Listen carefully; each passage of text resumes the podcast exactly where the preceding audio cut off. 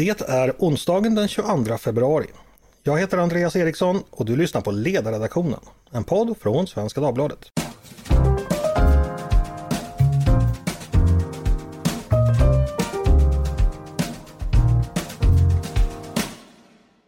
Varmt välkomna ska ni vara. Vi fortsätter nu i podden att uppmärksamma det faktum att det är ett år sedan Ryssland inledde sin nya stora invasion av Ukraina. Igår hade vi Oskar Jonsson från Försvarshögskolan här för att prata om det ryska hotet, militärt, politiskt, underrättelsemässigt och ekonomiskt. Idag ska vi titta närmare på det senast nämnda, eh, nämligen ekonomin. Eh, hur är läget i den ryska ekonomin? Hur påverkas den av kriget? Och hur påverkas Ryssland av sanktionerna?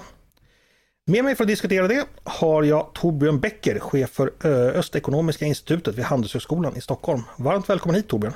Tackar, tackar. Jag ska börja med att erkänna mig lite förvirrad. Eh, jag kan tycka att utifrån nyhetsrapportering kan vara ganska svårt att veta hur man ska närma sig de här frågorna jag nämnde inledningsvis. Många bedömare har allt sedan februari förra året och även innan. Ryssland har ju, varit satt under sanktioner sedan många år tillbaka. Förutspått att den ryska ekonomin snabbt skulle få mycket stora problem. Eh, samtidigt hör man andra röster som talar om att sanktionerna inte alltid biter så mycket som man hoppas och att sanktionerna inte varit tillräckliga och att Ryssland har förmåga att kringgå dem.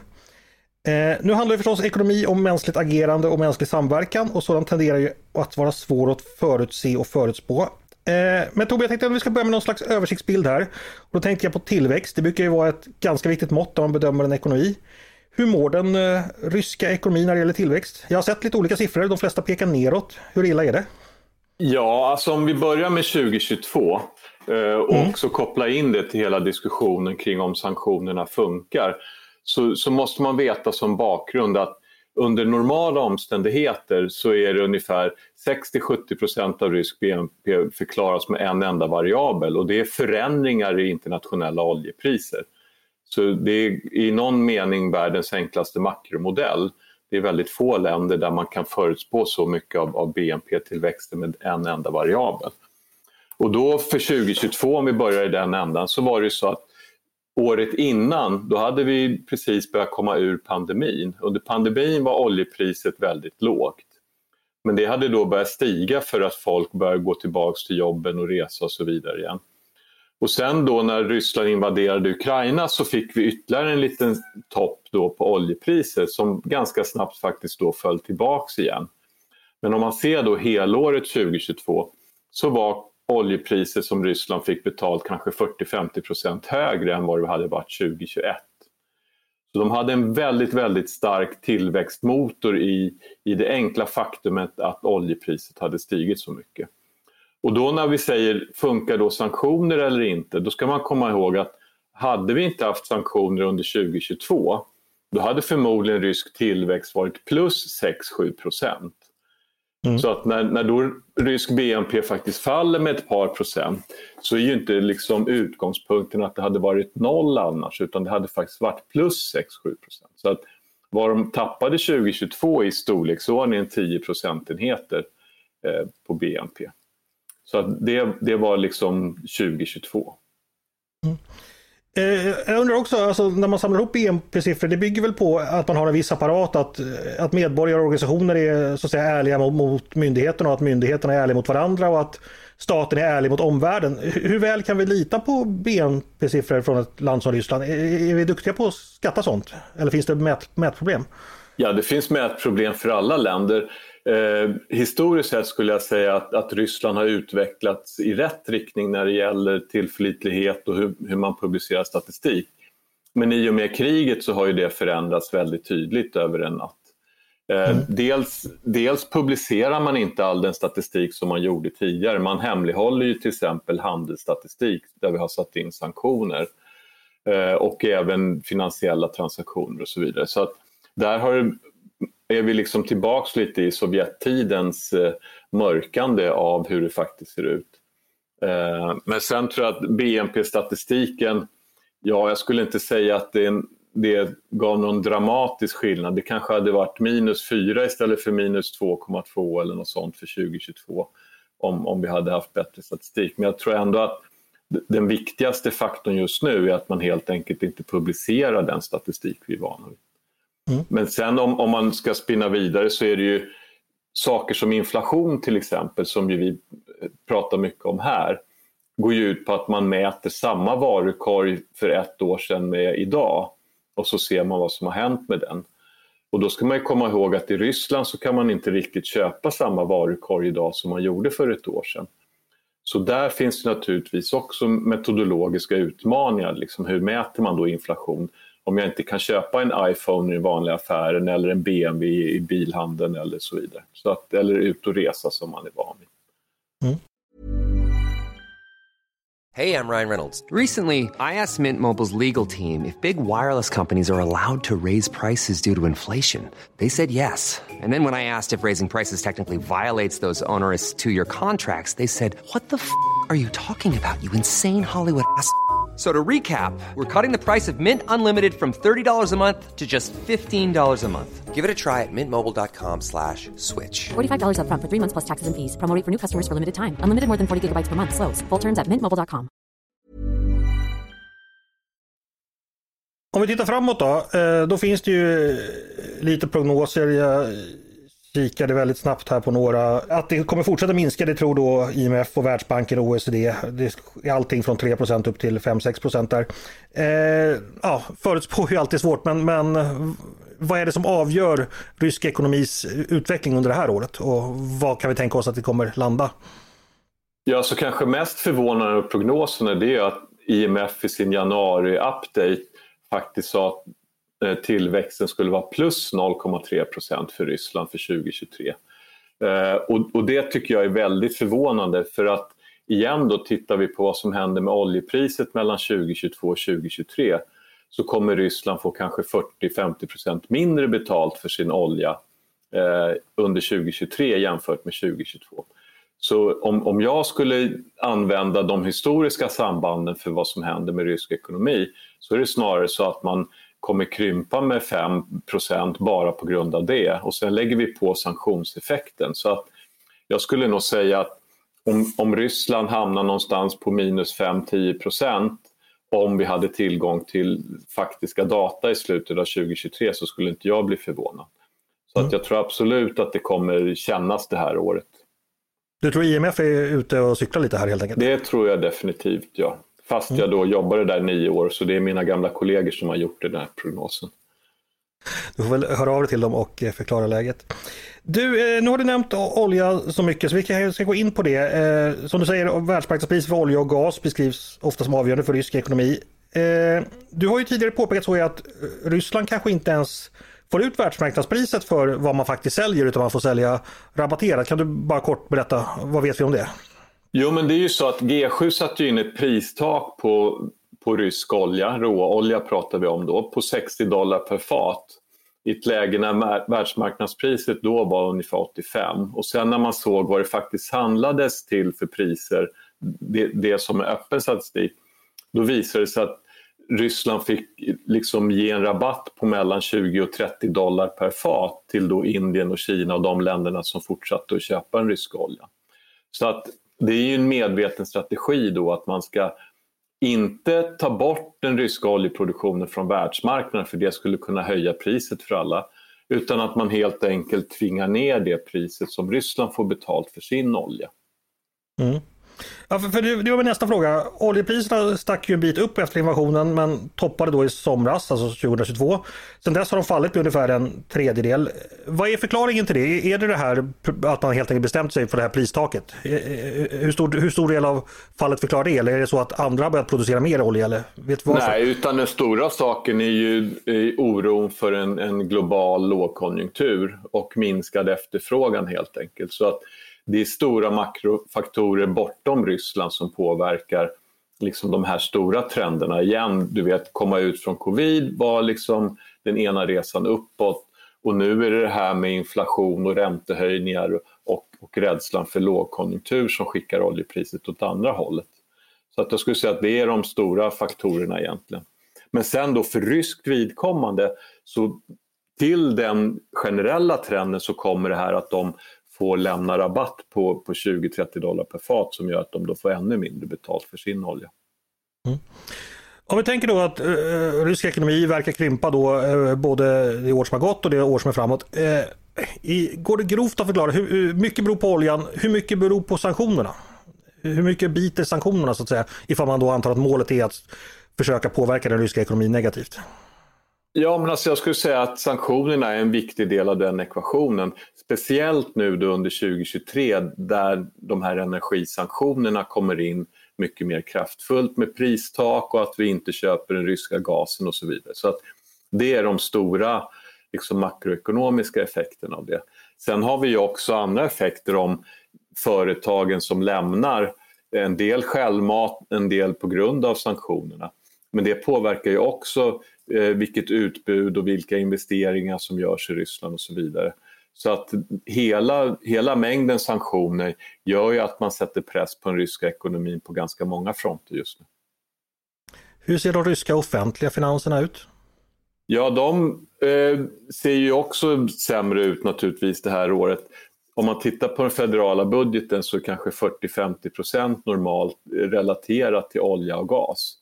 Eh, förra året så, så la man på en, en sorts straffbeskattning av Gazprom får man nog ändå säga, som såg till att man inte gick med stora underskott. Men, men om nu oljepriserna faller och det är svårare att exportera gasen, då kommer det också bli svårare att beskatta den sektorn mer än vad man redan har gjort. Så att vi kan räkna med ganska stora underskott i statsfinanserna. Mm. Men, men då, då är det ju klart, då sitter man inte still i båten utan då börjar ju den politiska ledningen fundera på vad, vad kan vi få in pengar ifrån från andra håll så att säga. Och det diskuterades nu senast igår av Putin hur, hur olika individer och företag då skulle bidra till eh, staten i det här knepiga läget så att säga. Så att det kommer nog nya sådana här lite mer ad hoc-beskattningar. Och den andra delen av ekvationen är naturligtvis att man kommer ha mindre pengar att spendera på andra saker som välfärd och pensioner och skolor och sjukhus och allt sånt där. Mm. Ja, det, det, är min nästa fråga. Hur, hur, påverkas det ryska folket av det här? Både när det gäller liksom deras, vad man har kvar i plånboken men också levnadsstandarden eh, generellt. Det är förstås en stor fråga men vet vi någonting? Har vi något mått på det så att säga? Eller hur, hur, hur undersöker man det? Jo, men alltså man kan ju titta på de reala inkomsterna och vad som händer med det. Men sen är det ju också det här med vilka varor och tjänster har man tillgång till. Så jag tänker att ofta så, så tror vi att, att det är de fattigare människorna som drabbas först och mest tydligt när det blir någon typ av ekonomiskt problem. Men i det här läget så är det förmodligen så att medelklassen i Moskva och Sankt Petersburg känner av det mer. För det är de som annars har varit ute och rest till Europa, det har blivit komplicerat. Det är de som har köpt de dyrare bilarna från eh, väst, det har man inte möjlighet att göra längre. Så att egentligen mycket av det som händer nu är nog mer den välbeställda medelklassen som, som märker det tydligare än, än liksom den andra delen av befolkningen. Mm. Jag ska påminna lyssnarna om det att Ryssland är ett stort land, jättestort land geografiskt men har ju också ganska stor befolkning, ungefär 145 miljoner.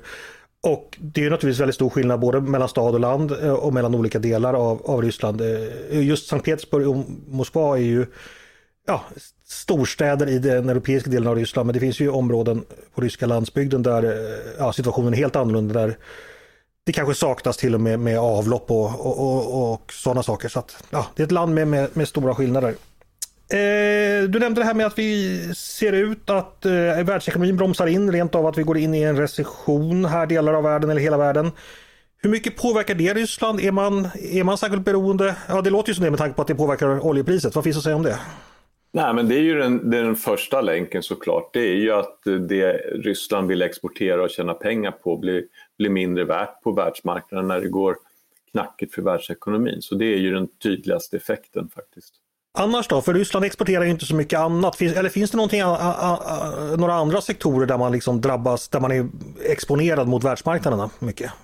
Jo, men alltså man handlar ju med olika mineraler och, och jordbruksprodukter och, och, trävaror och sånt också. Så att man, som du är inne på, man är ju ett gigantiskt land. Det innebär också att man har väldigt stora naturresurser. Så det finns ju andra saker, diamanter och, och olika speciella metaller och så vidare. Eh, så att visst, alla de sakerna eh, är ju också utsatta för de här fluktuationerna på världsmarknaden. Och, och i ganska många fall med prispress neråt och givet konjunkturläget. Mm. Eh, du är en ganska stor och kanske diffus fråga, men sanktionerna kommer ju då eh, från USA och EU, alltså från västvärlden, Japan och, och så vidare. Eh, Ryssland vill ju gärna framställa sig så att det finns en stora delar av världen som inte tänker på det, exempelvis att man kan handla med Kina och man kan handla med Afrika och så vidare. Alltså, hur mycket realism finns det i det att Ryssland skulle kunna fortfarande ha eh, andra marknader än de som säga, man befinner sig i politisk strid med nu? Kan man liksom ställa om sin export och import och, och handel till, till, andra delar av världen eller, eller är det orealistiskt?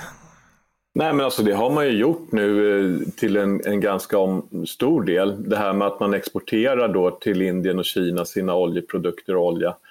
Eh, och man importerar mer från Kina, också ett land som Turkiet eh, exporterar mer till Ryssland i det här läget. Så att det har vi ju sett.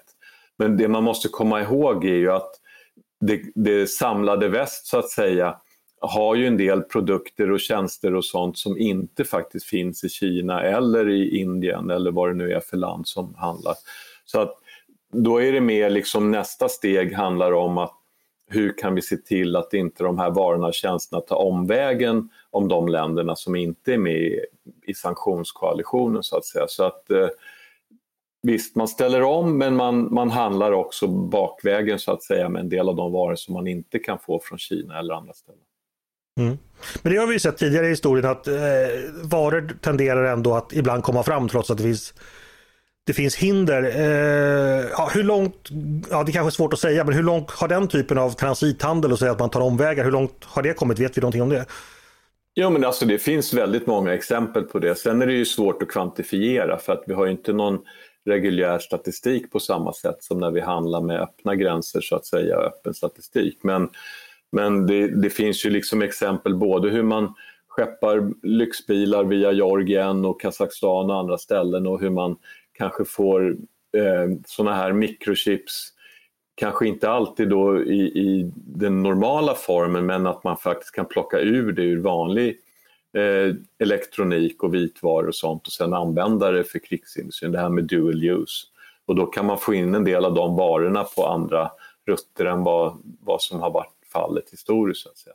Men exakt hur stor den omfattningen är, det, det är väldigt svårt att veta faktiskt. Vi ska byta ämne lite och gå över till den finansiella sektorn. Där har vi ju också sett stora sanktionspaket. Eh, Ryssland stängdes ju av från det här Swift-systemet som är då eh, ja, ett samarbete mellan banker. Man har fryst ryska tillgångar utomlands. Eh, de sanktionerna, vilken roll har de, de spelat skulle du säga? Ja, så den, den viktigaste eh, sanktionen nu när man ser på det statsfinansiella läget det är ju det här med de frysta ryska tillgångarna speciellt och centralbanken som har kanske 320 miljarder dollar i västs banksystem som man inte har tillgång till. Så hade man velat sätta sprätt på den för att finansiera kriget så, så går ju inte det helt enkelt. Så det är ju väldigt viktigt. Men mm. sen påverkar ju sanktionerna mot banksystemet väldigt många andra transaktioner också inklusive då med de företag i väst som tidigare handlade med Ryssland eller investerade i Ryssland. Eh, det är ju betydligt mycket mer komplicerat nu. Eh, vilket ju naturligtvis då innebär att man inte handlar och investerar på samma sätt som man gjorde tidigare. Så att eh, det får, får stora konsekvenser.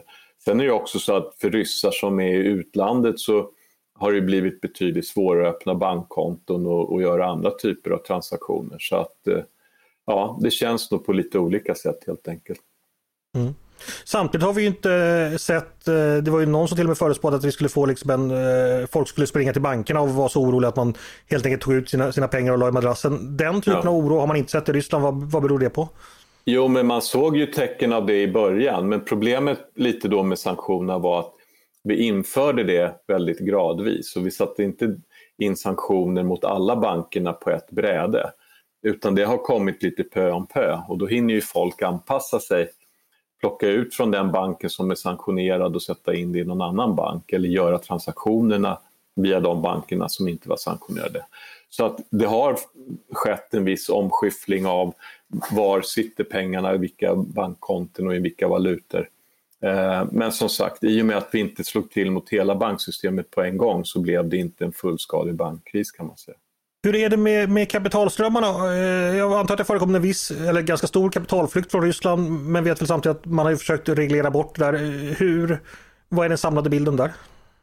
Ja, så historiskt sett så har vi sett väldigt mycket kapital faktiskt lämna Ryssland netto, alltså från den privata sektorn.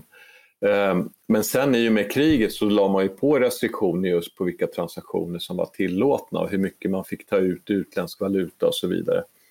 Så att nu när vi då tittar på en variabel som, som växelkursen så är ju inte det längre samma marknadsbestämda växelkurs som det var innan kriget när det inte fanns alla de här restriktionerna på transaktioner. Så att, eh, ja, lite, lite mm. förvirrat läge igen det här med statistiken. Vad säger den oss verkligen? Ja, ja, precis. För att vi, vi kan ju bara dröja kort vid rubelkursen. Eh, efter att den föll då direkt efter invasionen så, så kom den ju att snabbt stabiliseras. Då. Centralbanken agerade och man införde en rad nya regleringar.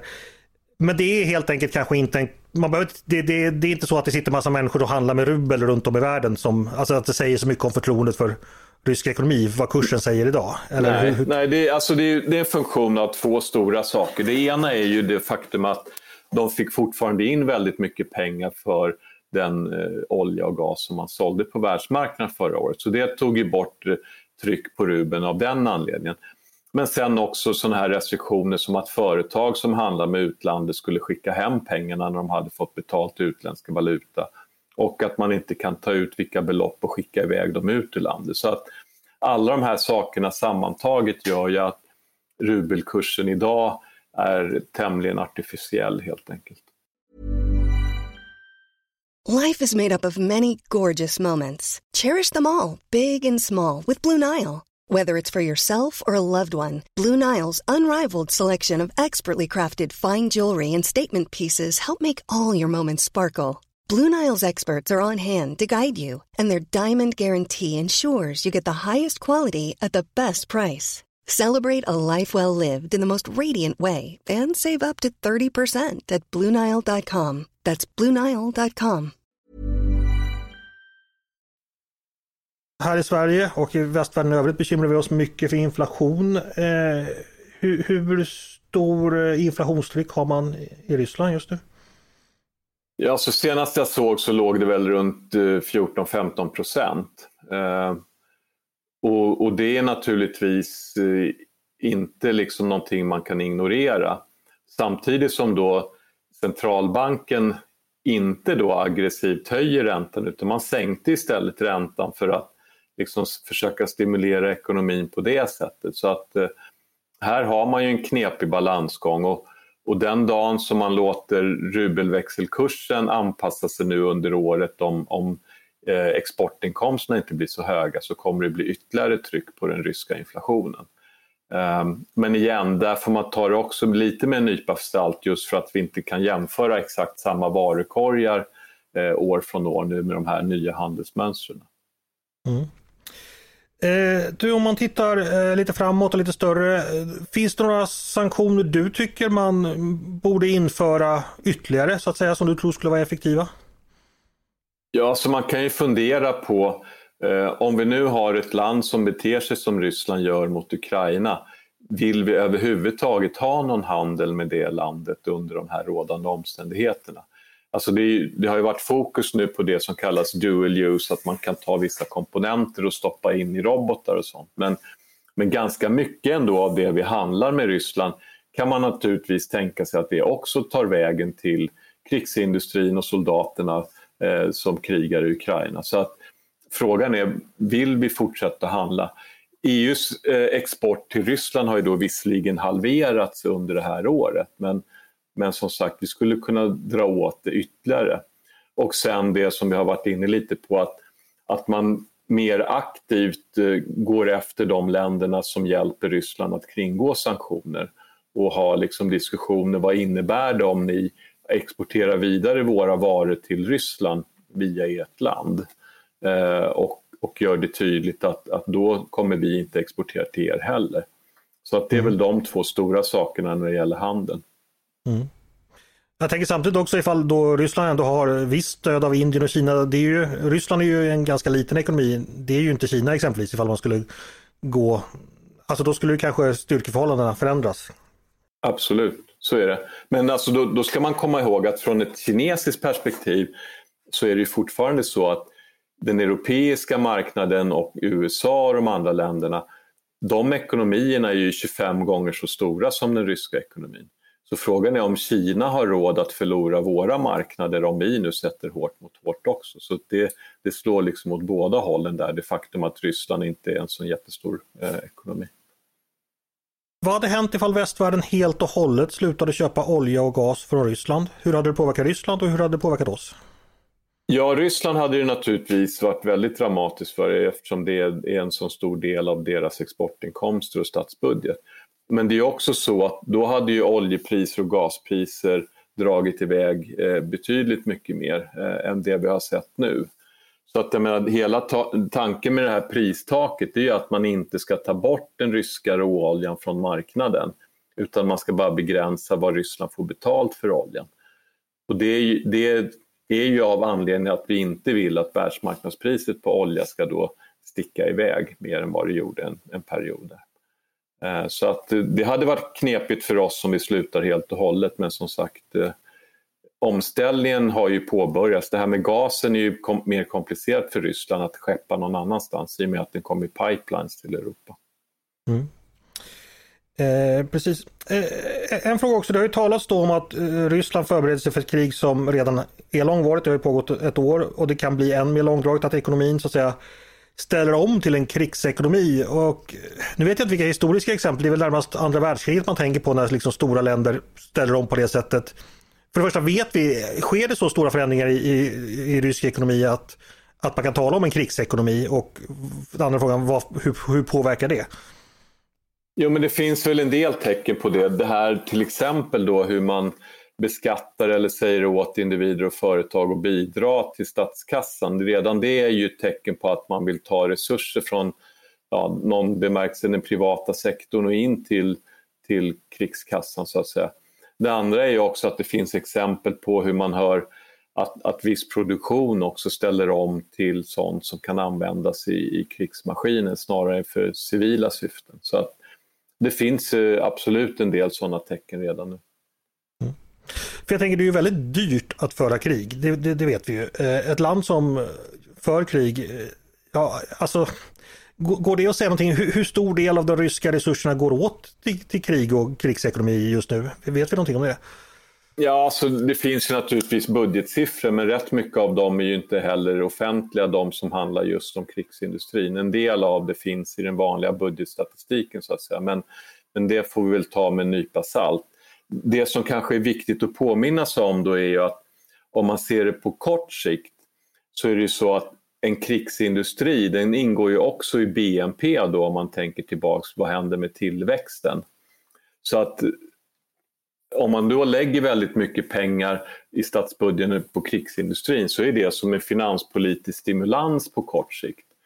Det är ju bara det att då har man samtidigt inte investerat i sjukhus och skolor och, och miljö och allt annat som man tänker generera tillväxt på längre sikt. Så att, eh, därför är det ju också så att en del av liksom den kortsiktiga effekten kan bli att det blir som en finanspolitisk stimulans som lite lindrar liksom det som annars hade varit nedgången i den ryska ekonomin.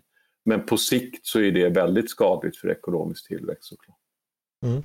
Om vi ska ta avrunda och bara titta, eh, ja, du får använda prognoskulan lite. Om det fortsätter som nu, hur, hur mår rysk ekonomi om några år? Hur illa blir det? Ja, så det, det, här är ju en, en, en långsam utförsbacke för den ryska ekonomin helt enkelt. De vanliga tillväxtfaktorerna vi pratar om för, för liksom länders tillväxt, det är ju produktivitetstillväxt, det är kapital och det är arbetskraft som behöver öka. Just nu har vi då många företag som lämnar Ryssland och det är företagen med högre produktivitet och idéer och sånt. Vi har också väldigt låga utsikter att det kommer komma stora investeringar i de produktiva sektorerna i Ryssland. Och så har vi folk som både dör på slagfältet men också lämnar Ryssland för att de inte står ut med att vara del av, av systemet. Så att eh, från alla de horisonterna så, så tycker jag det ser ganska besvärligt ut för rysk ekonomi under överskådlig framtid. Okej, eh, bara till sist, är det någonting du vill tillägga som du tycker hör till ämnet som mina frågor inte riktigt har fångat eller som du tycker brukar missas i den allmänna nyhetsrapporteringen och debatten? Ja, men det kanske är den här funderingen om att varför kollapsar inte rysk ekonomi här och nu? Och det måste vi nog vänja oss vid, att det tar liksom en tid för sådana här sanktioner att slå igenom. Men det innebär inte att sanktionerna är verkningslösa, det är snarare det att den årliga tillväxten under många år framöver kommer vara eh, signifikant mycket lägre än vad det skulle varit annars. Men det innebär liksom inte att den ryska ekonomin försvinner över en natt eller liksom imploderar som kanske ibland folk eh, tänker sig.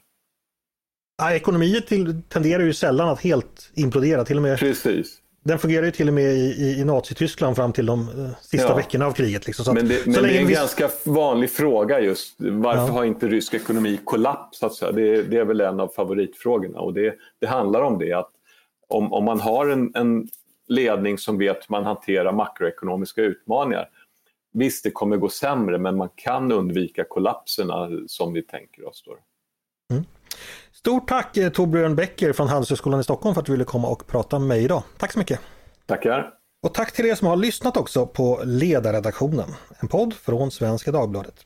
Ni är varmt välkomna att höra av er till redaktionen med tankar och synpunkter på det vi precis har diskuterat eller om ni har idéer och förslag eller önskemål på vad vi ska ta upp i framtiden. Då är det bara att mejla till ledarsidan snabla svd.se. Dagens producent, han heter som vanligt Jesper Sandström. Jag heter som vanligt Andreas Eriksson och jag hoppas som vanligt att vi hörs snart igen.